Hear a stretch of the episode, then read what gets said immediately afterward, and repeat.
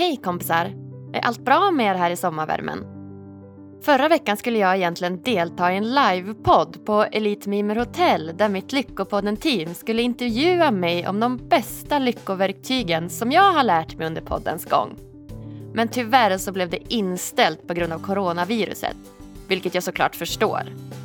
Jag ville bara tipsa er om att ni såklart kan boka mig som föreläsare, rådgivare, mental coach, livepoddare eller annat här framåt hösten om ni så önskar.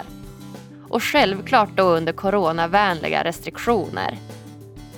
Maila mig då på agnessnabblalyckopodden.se. Idag gästar före detta golfproffset Caroline Moore podden. Jag blev själv informerad om hennes resa bara för några veckor sedan och blev helt paff. Mitt i karriären som golfproffs överlevde Caroline en kraftig jordbävning i Nya Zeeland där över 200 personer miste livet. Och kort därefter blev hon diagnostiserad med en svår cancer som spreds i hennes högra ben.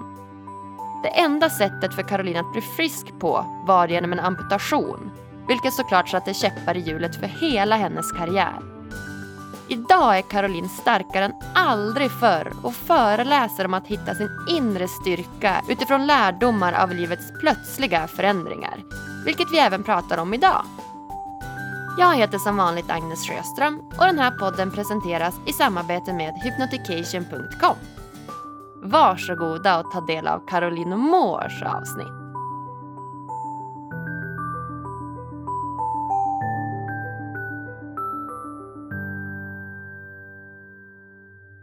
Då säger jag varmt välkommen till veckans gäst, Caroline Moore. Hej Agnes! Hej, vad kul att du vill gästa oss. Ja, tack för att jag får vara med. Det är superroligt. Du, vi har ju aldrig träffats eh, på riktigt du och jag, men mitt första intryck av dig är att du är en sån där riktig solstråle. men det är ju härligt i alla fall. är du en solstråle? Nej, men alltså jag brukar tänka att vad är det jag vill att människor ska ta med sig efter ett möte med mig och det är så här, energi. Och det är ingenting som, är så här, som jag tvingar fram utan det faller sig väldigt naturligt för mig. Jag älskar att ha kul och skratta och sådär. Så det är, det är nog det som speglas då. Och det är ju kul att höra att det gör det. ja. ja, men så himla kul. För jag har ju researchat lite på dig och eh, kikat lite på din Instagram och din hemsida och sådär för att ja, men lära känna dig lite grann vem du är. Och ja, men på alla bilder och filmer så har jag sett att du står där antingen med dina kryckor på ett ben eller med en liten protes på ditt ben och du ser så lycklig och glad ut så det är så kul att se. Ja, vad roligt! Du, ehm, före detta golfproffs, det är inte så pjåkigt. Nej, det är det inte. Det, det känns väldigt kul att säga idag. Och, och sen så blir man också påmind om hur lite tid man idag spenderar på golfbanan. Men, men det var en väldigt häftig och eh, spännande tid att vara golfproffs. Det måste jag säga. Väldigt speciellt men häftigt när man idag tittar tillbaka på den tiden och, och kan säga det. det. Det känns väldigt kul. Ja, jag förstår det. Vad, vad har du för meriter sen tidigare? Ja, jag hann ju bli golfproffs. Och sen så inträffade ju något stort i mitt liv. Men sen så tog jag mig tillbaka till golfproffsen och eh, har vunnit EM, VM och SM i handigolf. Så det, det känns jätteroligt att ha de meriterna. Då när jag var aktiv och spelade, och det är fortfarande inte idag tyvärr, så är inte Paralympics, eh, golf är inte med i Paralympics. Men det hade ju varit jättehäftigt att få vara med där. Ja, ja men verkligen. Men jag hör ju att du har varit runt i Europa och överallt och spelat golf. Det är ju så coolt tycker jag. Ja, ja men det, det har blivit några resor. Det har det verkligen. Jag tror jag har sett ja, men, många hörn i Sverige men det är sällan som man faktiskt får se du vet de här smultronstäderna eller uh, ja, åka runt och se allting. För det mesta så ser man ju mest golfbanan och that's it liksom. men, men man kan säga att man har varit på en del ställen men det finns mycket kvar att utforska. Ja, men jag förstår det. Min eh, pappa spelar mycket golf. Han eh, är pensionär idag.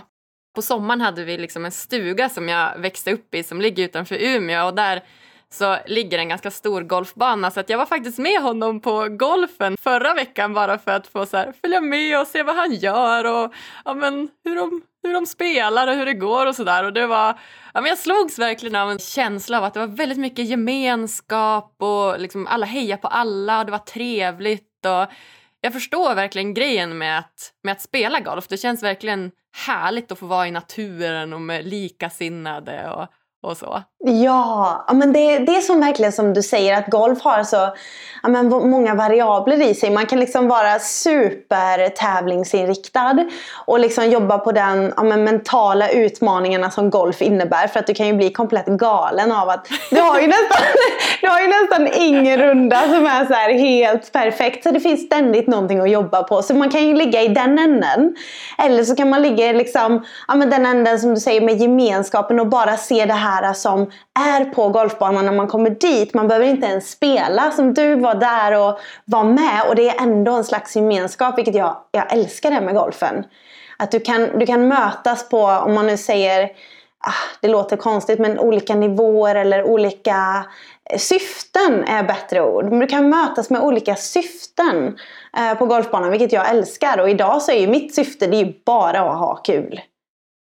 Ja, men så himla härligt. För det märkte man också att vet, så här, varannan boll som de slog då var det så här jävlar fan skit du vet. Det var som att det var varannan gång i vattnet och i bunkern och i skogen och varannan gång slog det rakt typ. Så att det var, det var härligt att se hur de, hur de höll på. Ja, det kan vara underhållande att kolla på det där. Ja men verkligen. Du, det var ju en eh, tidigare gäst som tipsade oss om dig, Annika Teleus från avsnitt 115. Och eh, som jag förstår det har ju du varit med om ett minst sagt händelserikt liv.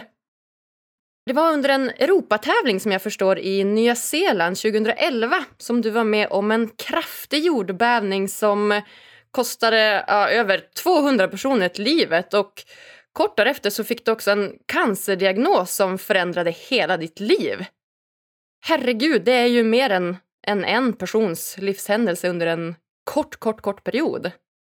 Ja, det var sannerligen dramatiskt där ett tag. Du ska få berätta mer. Om vi börjar i Nya Zeeland, vad, vad hände? Ja, alltså precis som du sa så var jag med min lilla syster på en Europatour-tävling. Och vi hade egentligen ja, men så här, två dagar kvar. Och precis som jag sa här i inledningen, man ser ju inte så mycket av städerna eller själva ställena. Så vi tänkte så här, men gud vad härligt. Vi har två dagar i Nya Zeeland och bara utforska den här staden. Så vi gick runt i Christchurch och eh, gick på de här små gatorna in mot den här 1600-talskyrkan och valde egentligen lunchrestaurang innan vi skulle ut till flygplatsen. Så vi hade egentligen bara hunnit sätta oss ner i den här lunchrestaurangen när tio minuter efter så började allt bara att skaka. Och det skakade så kraftigt. Alltså jag hade ju ingen aning om vad det är som svensk och har aldrig varit utsatt för en jordbävning förut. Så min, eller våran reaktion var ju minst klart chockartad. Men nu har vi ju lärt oss att man ska slänga sig under ett bord eller gå till ett hörn som är stabilt. Men i den stunden så var det ren kaos. Det var som att, eh, det är väldigt svårt att förklara hur det känns, men det var som att om du går över en bro som inte är jätte, jättekraftig, men du går över en bro och så kommer det tio stycken kraftigt tunga truckar som passerar den här bron och det bara brakar och vibrerar. Och liksom på samma gång, så känns det. Plus att det är som ett discoljud och basen är så hög så att det slår mot trumhinnorna. Eh, det var så högt och skakande. Vi kunde ju inte sitta utan det allt, stolarna hoppar ju, maten hoppar ju upp i luften. Byggnader på andra sidan gatan bara rammade ju ihop. Så att det var som en riktig actionfilm. Om man föreställer sig en actionfilm där liksom marken öppnar sig, bussar faller. Och idag när jag beskriver den här situationen så är det verkligen så att ibland slås jag av bara Va?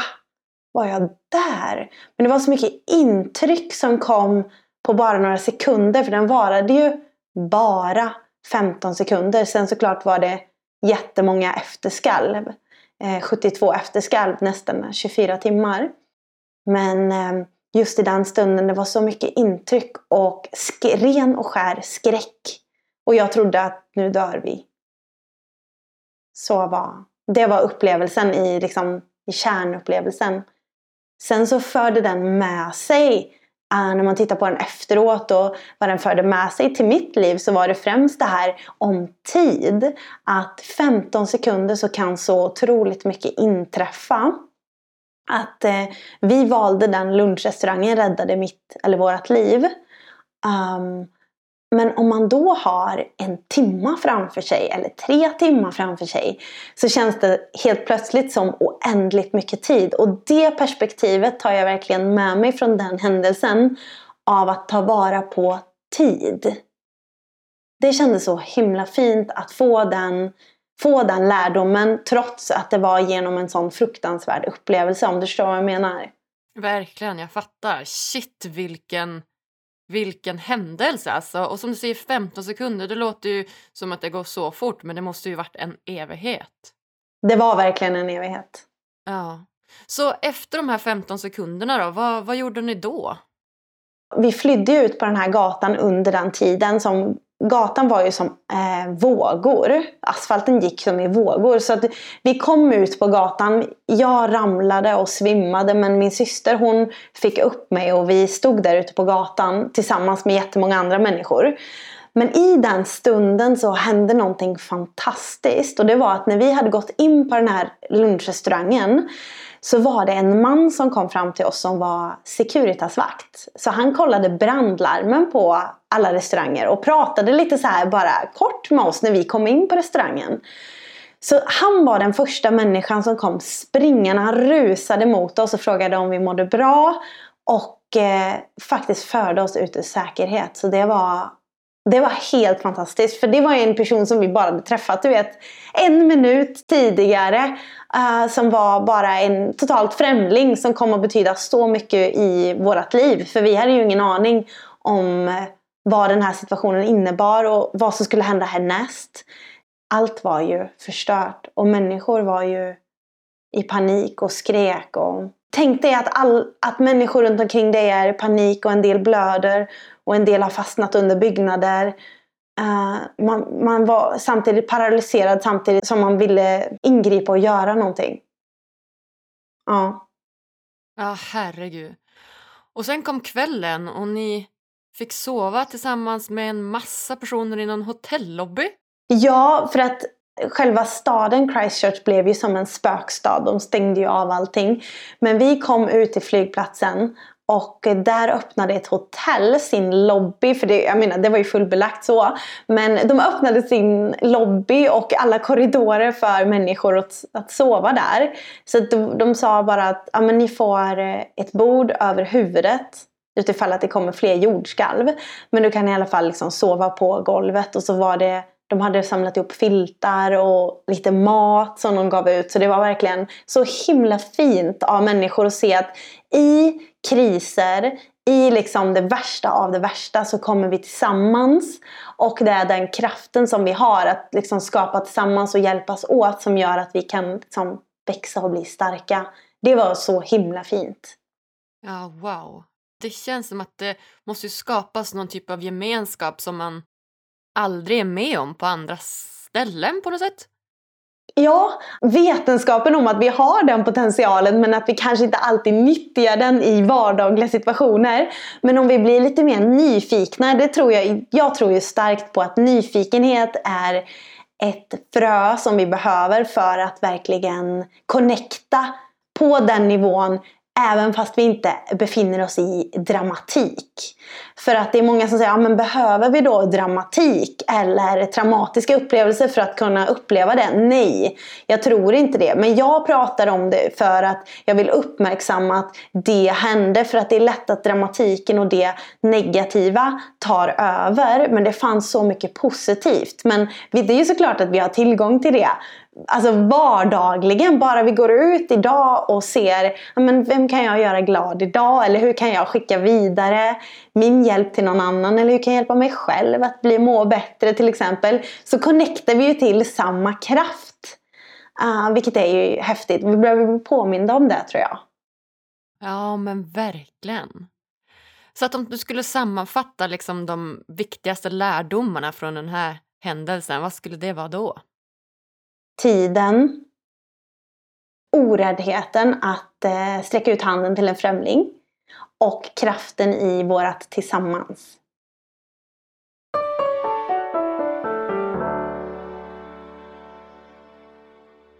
Vill du stärka din självkänsla, sova gott och må bättre? Då borde du testa vägledd självhypnos. Det enda du behöver göra är att lyssna, slappna av och följa instruktionerna. Gå in på hypnotication.com och hitta dina favoriter idag. Ange koden LYCKA för 15% rabatt på hela köpet.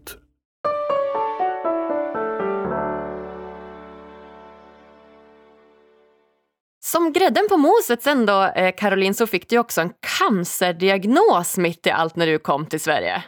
Kan du inte berätta lite grann, vad, vad hände?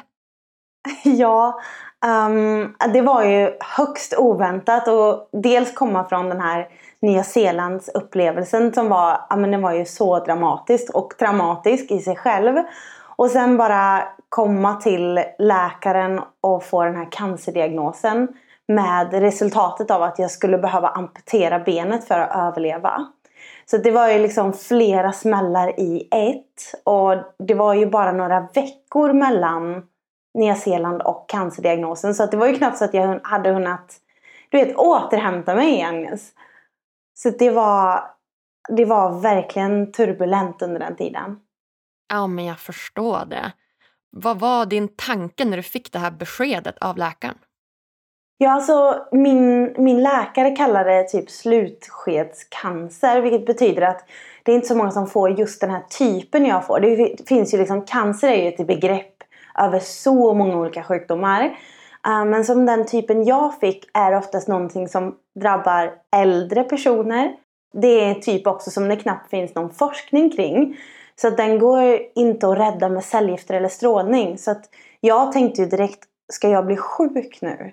um, när han berättade det här för mig. Men för min del så gällde det ju att, att amputera bort själva kroppsdelen där cancern sitter. Och um, då innebar ju det att det blev ju någonting helt annat än vad jag förväntade mig av det ordet cancer. För jag har aldrig hört det förut. Utan normalt sett kanske man tänker sig cellgifter och strålning och att man tappar allt hår och sådana saker. Men det kunde ju inte jag ha eh, för min typ. Så det var, det var jättemärkligt. Och jag kände mig ju inte sjuk så när jag fick det här beskedet. Så när han berättade det här för mig så, alltså min värld, ja du kan ju tänka dig, det bara rasade ju samman. Alltihop som man förväntade sig om livet så. Ja. Vad var din första tanke när han kom in i det här rummet som jag kan tänka mig, du vet, så lite sjukhuslikt, det, blir, det är vitt och det är vet, kanske bara någon bänk där och så sitter du där och så får du beskedet att du behöver amputera benet. Vad, vad var din första tanke? Första tanken var ju att han skojar med mig. Att han inte pratade liksom, sanning, att det här inte gällde mig. Och jag bara väntade på att han skulle så här, säga så här, nej men jag skämtar bara. Men det gjorde han ju inte. Utan jag stirrade in i hans ögon och liksom bara väntade på det och frågade till och med så här, skämtar du med mig nu? Men jag insåg ju det efter några sekunder att det gjorde han ju inte. Äh, fy. Ja, fy! Ja, ja, men det var verkligen så här, livs största mardröm som hände just där och då. Uh, samtidigt så när allting så här hade hänt innan i Nya Zeeland. Det här som jag pratade om, tid och sådär. Att få den, det perspektivet med sig. Så var det någonting som han sa som verkligen fick mig att så här, börja och eh, snegla lite på framtiden redan då. Och det var ju det att han sa att du har tre veckor fram till vi måste göra den här operationen. Och om man då jämför liksom 15 sekunder och tre veckor så känns det ju som att jag fick oändligt med tid. Just det, ja, det är verkligen bra att relatera till. Så att när den här läkaren sa då att du har tre veckor där du får behålla ditt ben. Vad gjorde du under de här tre veckorna? Jag började göra sådana grejer som jag så här, minst jag ska säga, inte uppskattade för det låter fel men alltså minst kanske la tanken på att jag kan göra. Som att så här, bära ett vattenglas. Det brukar jag liksom ta som ett exempel för det är så här, det är så enkelt. Och jag tänkte verkligen på det att okej, okay, det här är så enkelt. Ta ett vattenglas från köket, gå ut i vardagsrummet. Det är typ det enklaste jag kan göra. Men det kan vara den mest utmanande grejen som man gör med ett ben. För hur bär man ett vattenglas med ett ben? Så att jag bara tog det här glaset och gjorde den här grejen och sen tänkte jag så här, oh, men gud jag måste bara göra allting en gång till. Jag vill göra liksom, göra allt en gång till, uppskatta det, um, gå i högklackade skor, cykla, springa, spela golf. Så att under de här tre veckorna så blev det som ett, ja alltså det var inget uträknat projekt eller en strategi som jag la upp. Utan det var verkligen så här, det föll sig verkligen så naturligt. Att bara göra allting en sista gång. Och varje gång jag gjorde det så hade jag tanken av att om några månader då sitter jag på den här cykeln med ett ben. Så att det var så här fint liksom, ska man säga, avslut eller farväl till en del av mitt liv som jag levde som tvåbent om man ska säga så. För jag visste att det är ett nytt kapitel som startas nu. Som jag inte kommer kunna jämföra med ett liv med två ben. Och därför vill jag verkligen uppleva allting till 100%. Och sen öppna upp den möjligheten till att nu är det fritt att uppleva med ett ben. Och det kändes så himla befriande samtidigt som såklart det fanns så här det var hela tiden en process av mm, sorgebearbetning av att förlora någonting. För att förlora ett ben är som att förlora typ en närstående. Uh, ingenting kommer att bli sig likt men samtidigt så visste jag att det kommer finnas en fortsättning. Vilket var, det var väldigt fint i den stunden. Om du förstår, så här, dualer av känslor som var där hela tiden. Ja men verkligen. Känns det som att du har hittat någon typ av eh, frid med den här händelsen och det som har hänt? I och med att jag gjorde det här äh, så spontant så gick det väldigt, väldigt fort faktiskt. För att jag hade ett mål att jag skulle känna mig lugn, trygg och redo på, på operationsbänken. Uh, så de här blev liksom, det var mina tre ledord. Och för att uppnå de känslorna så var alla aktiviteter jag gjorde innan som en förberedelse och såklart en mental förberedelse som jag pratar mycket om i, ja, men inom mina föreläsningar idag eftersom jag föreläser som jobb idag. Så gick det tillsammans med aktiviteterna och mentala förberedelsen så att jag kunde känna det. Och på grund av att jag lyckades känna så så kunde jag vakna upp till det här nya livet som jag kallar det på ett ben med en mycket större acceptans än vad jag trodde var möjligt innan. Så det gick faktiskt väldigt snabbt att landa i det nya livet direkt. Så det, det innebar väldigt mycket jobb de här tre veckorna. Det var det verkligen. Det var, det var väldigt mycket jobb. Eh, men det var ingenting som var jobbigt. Utan det var så här som att vara i flow. Eh, som att allting bara lägger sig på plats och du hittar lösningar, du hittar situationer, du träffar rätt människor. Och det var många möten som jag tänkte så här, men gud den här människan kom in i mitt liv precis exakt rätt tidpunkt. Och det blev ett sånt fantastiskt utbyte och vi liksom kunde hjälpa varandra framåt. Så att det var som att det var i flow. Så att det var inte det var inte jobbigt men det var inte heller lätt utan det bara flowade. Om du förstår vad jag menar. Verkligen. Flow är ju en fantastisk känsla som jag tror man beskriver som någonting att man är just där i tid och rum, att man inte är någon annanstans, att man är verkligen i nuet och är fokuserad på det man gör och som du säger att man hamnar i en, i en speciellt mentalt stadie som, som är väldigt härligt. Så att det låter ju faktiskt nice att du kunde hamna i det stadiet under den perioden. Det är väldigt starkt av dig. Ja, men det, var, det kändes väldigt bra. Och precis som du säger, det är ju, man reflekterar ju inte över att man är där i när man är i flow. För det finns ju ingenting som existerar annat än där du är. Och upplevelsen är ju att du verkligen har allting som du behöver. Så att det finns inte den här separationen. Nej. Så det var, det var väldigt häftigt. Ja, ja men verkligen. Mm. Så okej, okej, mitt under när du var i den här eh, sorgen då, när det kändes som värst, när du fått det här beskedet, okej, jag har cancer, jag kommer måste amputera benet, jag kanske får lite mer utmaningar i mitt liv. Hade du någon speciell strategi när du var mitt i den djupaste sorgen för att se ljuset i tunneln? Något liksom konkret verktyg som du använde? Ja, alltså jag gillar att vända på saker. Alltså flippa pannkakan. Um, och brukar använda mig av min guldfråga.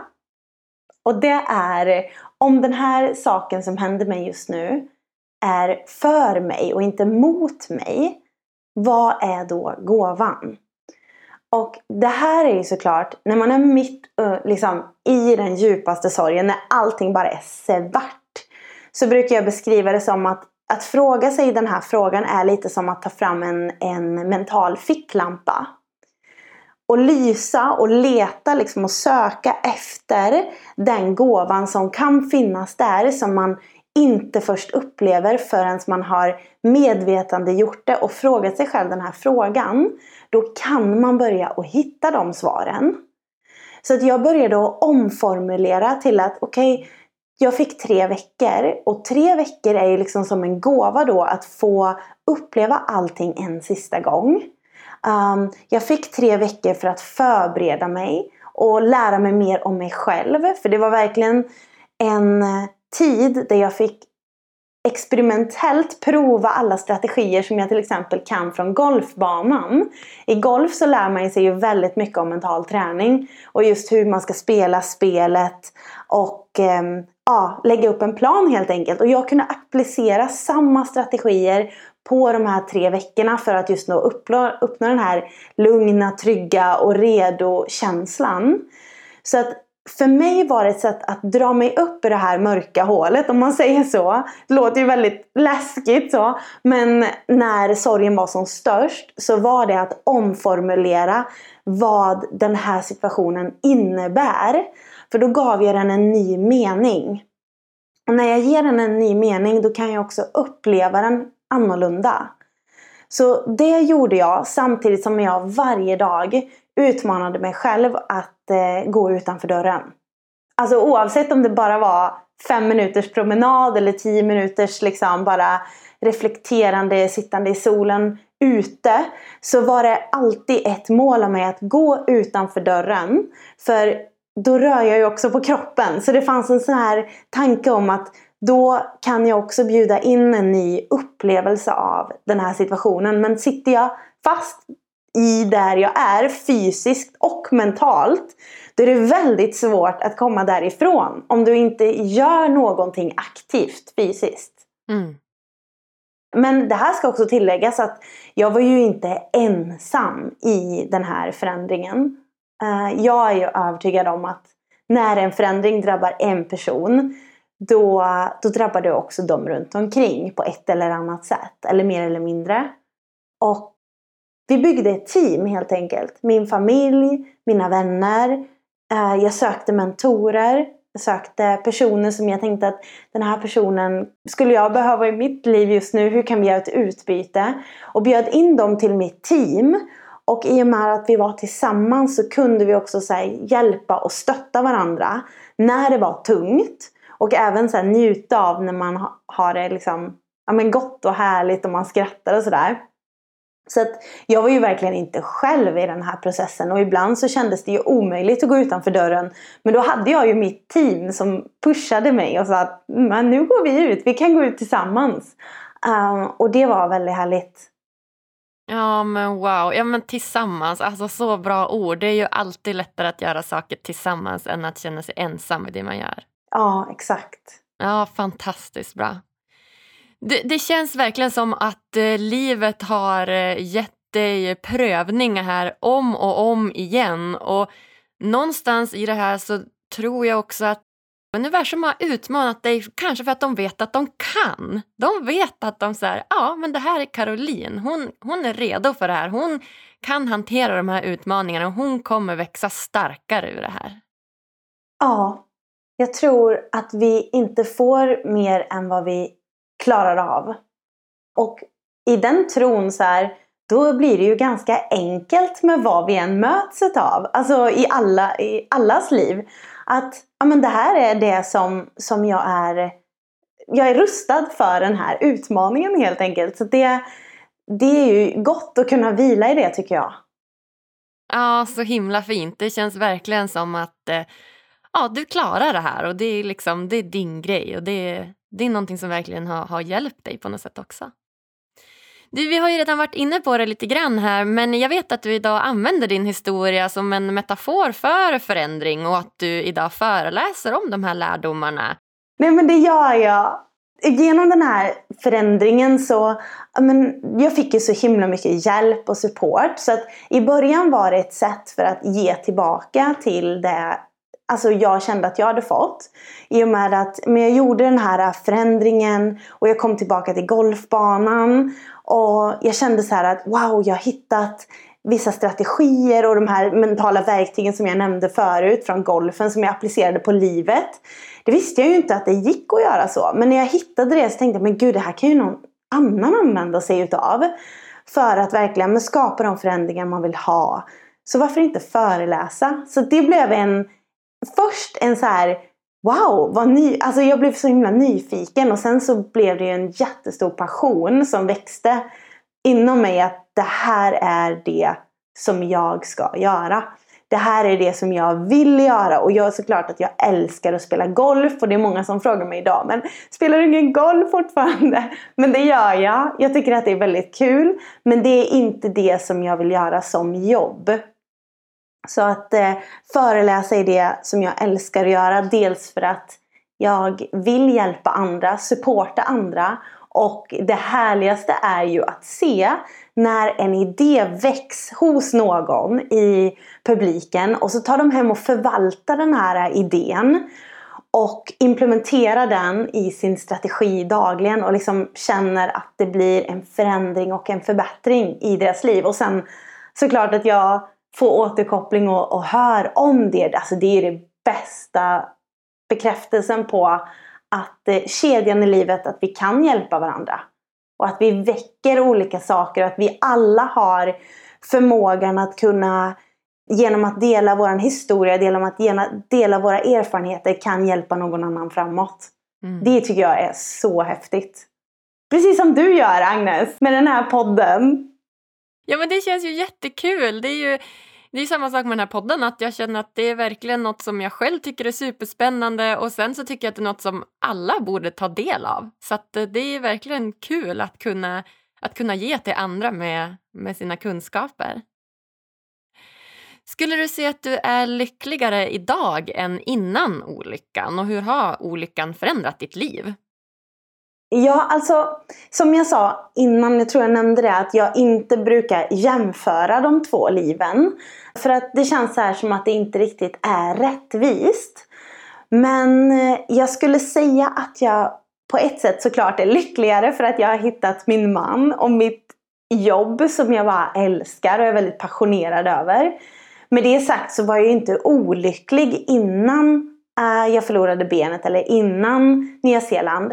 Men eh, jag kanske inte tog tillvara på mina chanser eller lärde mig lika väl som jag gör idag. Där jag hela tiden försöker att, eh, att utveckla mig genom att reflektera mer eller jobba på någonting som är väldigt intressant. Utan att då kanske jag bara var mer i ett automatiserande system. Att så här ser min dag ut. Och jag var inte så utmanad personligt. Men jag var också så himla ung då. Eh, jag var ju bara 22 år när jag fick den här cancerdiagnosen. Vilket är sagt att det är klart man kan göra förändringar innan det också. Men jag hade ju liksom inte fått hela den här livserfarenheten som jag har nu. Så det är svårt att jämföra. Men ja, jag är lycklig nu med min man. Det är jag väldigt, väldigt lycklig. Och mitt jobb. Och sen hur det har förändrat mitt liv. Ja, jag skulle nog säga att vad har inte förändrats? alltså, det enda som jag vet, som jag är medveten om just nu, det är ju att jag hela tiden innan och nu har varit en tidsoptimist. Och det har inte förändrats. Men allt annat har nog förändrats. Ja, så himla spännande. Jag vet också att du brukar använda uttrycket eh, skicka vidare. Vad betyder det? Det är någonting som ligger mig så varmt om hjärtat. För att jag hade en dröm när jag eh, hade förlorat benet och skulle få en protes. För att jag kom ju tillbaka till golfbanan och spelade den här proffstävlingen på ett ben. Men ville spela med protes. Och eh, den protesen som jag hade tittat ut, som jag verkligen ville ha. Den var oerhört svår att få och extremt dyr. Um, så att jag började att, att tänka på den här protesen och liksom skicka ut det, precis som vi pratade om förut med universum. Att liksom skicka ut min önskan så här, bara ut att den här protesen vill jag ha. Jag pratade mycket om den, jag delade information, jag tittade på bilder. Ja men du vet, så här, byggde upp en verklighet av, av att jag har den protesen. Det, liksom, det är min protes. Fast jag hade ju inte den fysiskt. Men så hände en helt fantastisk grej och det var att en journalist skrev en artikel i en tidning och den, den tidningen blev, eller var publicerad i USA. Och så bara två veckor efter den här blev publicerad så får jag ett samtal från en man. Och han säger då att jag skulle vilja hjälpa dig att få den här protesen. Jag kommer att ge dig den men jag vill ha en sak tillbaka. Och då tänkte jag direkt så här, vad vill han ha tillbaka? Ja, det är så här, man blir typ lite Alltså ja, det är gåshud på den. Samtidigt som jag inte riktigt var säker på vad han verkligen ville ha. Så sa han så här, jag vill att du aldrig berättar vem jag är. Och så kom den här protesen med en lapp i där det stod att kedjan i livet är att vi hjälper varandra. Jag har möjlighet att hjälpa dig just nu att uppfylla din dröm.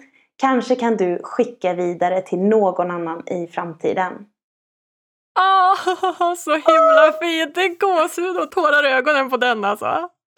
Den är helt fantastisk! Ja men verkligen. Ja, alltså den är, och den har gjort alltså sådant stort intryck på mig i allt jag gör.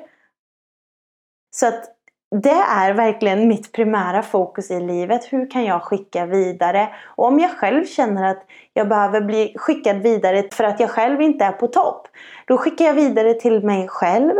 Eller så skickar jag vidare till någon annan. Så att det är, det är så himla fint. Och jag blev 2014 involverad i en stiftelse i Sverige som heter Staff for Life. Och de erbjuder ett utbildningsprogram för barn och ungdomar i Afrika men det finns också i Sverige idag i flera skolor. Um, men den här utbildningen är då till för barn och ungdomar i de värst drabbade områdena av HIV och AIDS. Och de här ungdomarna, det är inget HIV-program det här utan det här är ett, ett utbildningsprogram där de lär sig att bygga drömmar om framtiden. Att ta beslut som de verkligen så här, um, committar till att de, att de håller sig till sina beslut och, och uh, ser en väg framåt och sådär. Eh, till att få mer utbildning och jobb och sådana saker.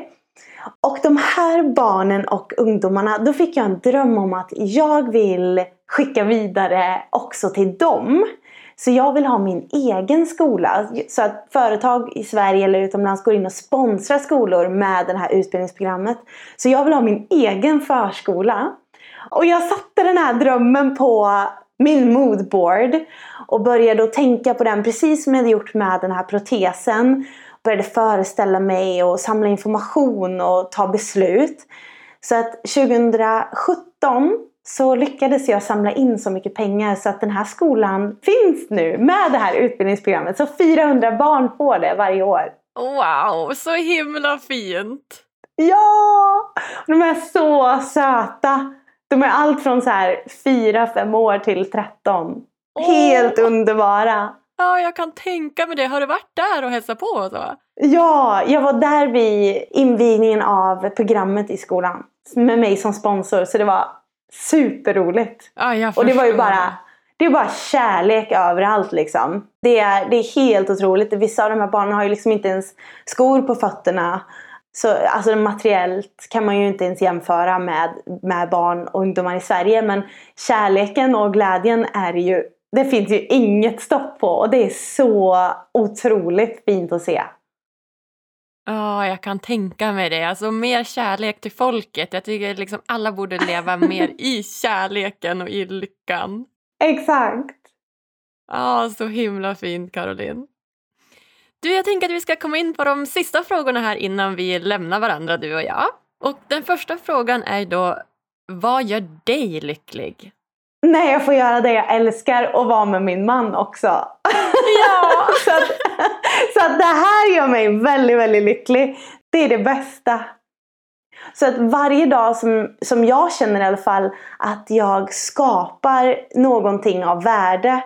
Som den här podden skapar någon möjlighet där jag hjälper någon, jag skickar vidare. Alltså det är en dag som jag verkligen så här, jag känner mig så lycklig när jag har de dagarna. Ja, vad fint. Och vad brukar du och din man göra då när ni umgås? Vi har ju börjat att cykla väldigt mycket tillsammans. Så att vi cyklar väldigt mycket just nu. men annars, men annars så, så vi, vi älskar att spela golf och sådana grejer som, som alltså aktiviteter i sig. Sen så älskar vi också god mat. Min andra passion är ju att eh, laga mat. Så att vi, vi älskar att laga god mat, gå ut på restauranger och sådana saker. Ja. ja, men umgås och aktiviteter och göra saker ihop helt enkelt. Ja. Om du fick ge lyssnarna en utmaning som de kan göra varje dag för att bli lite lyckligare, vad skulle det vara då? Då skulle jag säga att sätta en intention varje dag. Med vad du vill fokusera på. Och att med, när du gör den här så fokusera utifrån någonting som du verkligen vill ha. Inte fokusera på det du inte har. Skillnaden däremellan är att okej, okay, jag sätter en intention med att idag vill jag vara närvarande. Till exempel. Och hur är jag redan närvarande idag? För det är någonting som vi alla har.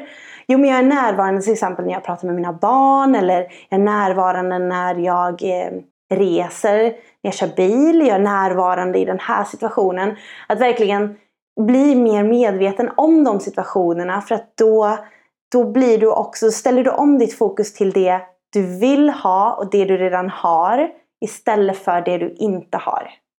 Så bra, så fokusera på det du har och inte på det du inte har. Ja, exakt. Vem hade du velat ska gästa Lyckopodden? Då hade jag sagt Lasse Gustafsson. Ja men ja, ja men han, brandmannen. Ja! Ja, ja men han verkar ju jättebra. Jag har bara hört honom i några tidigare poddar så det får man ju kolla upp. Ja! Och han har ju varit, precis som jag nämnde förut med det här med mitt team eller lag. Han blev ju en jätteviktig person för mig under den här tiden tillbaka. För han var en person som, som jag ringde upp faktiskt och frågade om han ville, ville stötta och hjälpa mig genom den här tiden. Och då var det ju mer tänkt som att jobba tillsammans. Men sen utvecklades en, en fin vänskap. Så han, han är en, en otrolig stöttepelare i mitt liv och en fantastisk person med en så häftig historia. Det är otroligt vad han, vad han både har gått igenom, bemästrat och också idag förmedlar hopp och glädje, insikt till andra människor. Det är, det är storslaget för mig. Oh, wow, ja men verkligen, han ska verkligen kontakta och håller verkligen tummarna att han vill gästa. Är det något eh, som du slutligen skulle vilja dela med dig av till lyssnarna här innan vi lämnar varandra? Ja! Om lyssnarna, eller du som lyssnar, tycker att det här har varit intressant och kul att lyssna på så kommer det här i ett format i en bok snart. Vilket är jättespännande för jag håller på att skriva min bok. Gud vad spännande!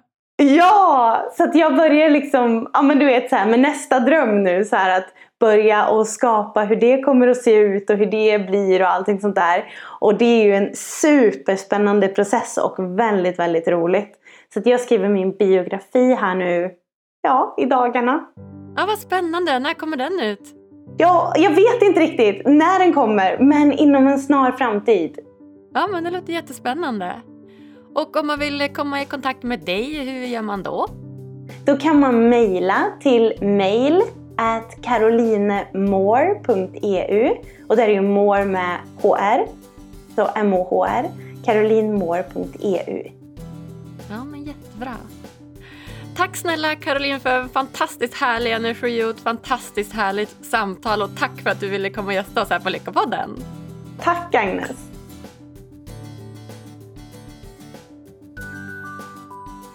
Ja, oh, wow hörni.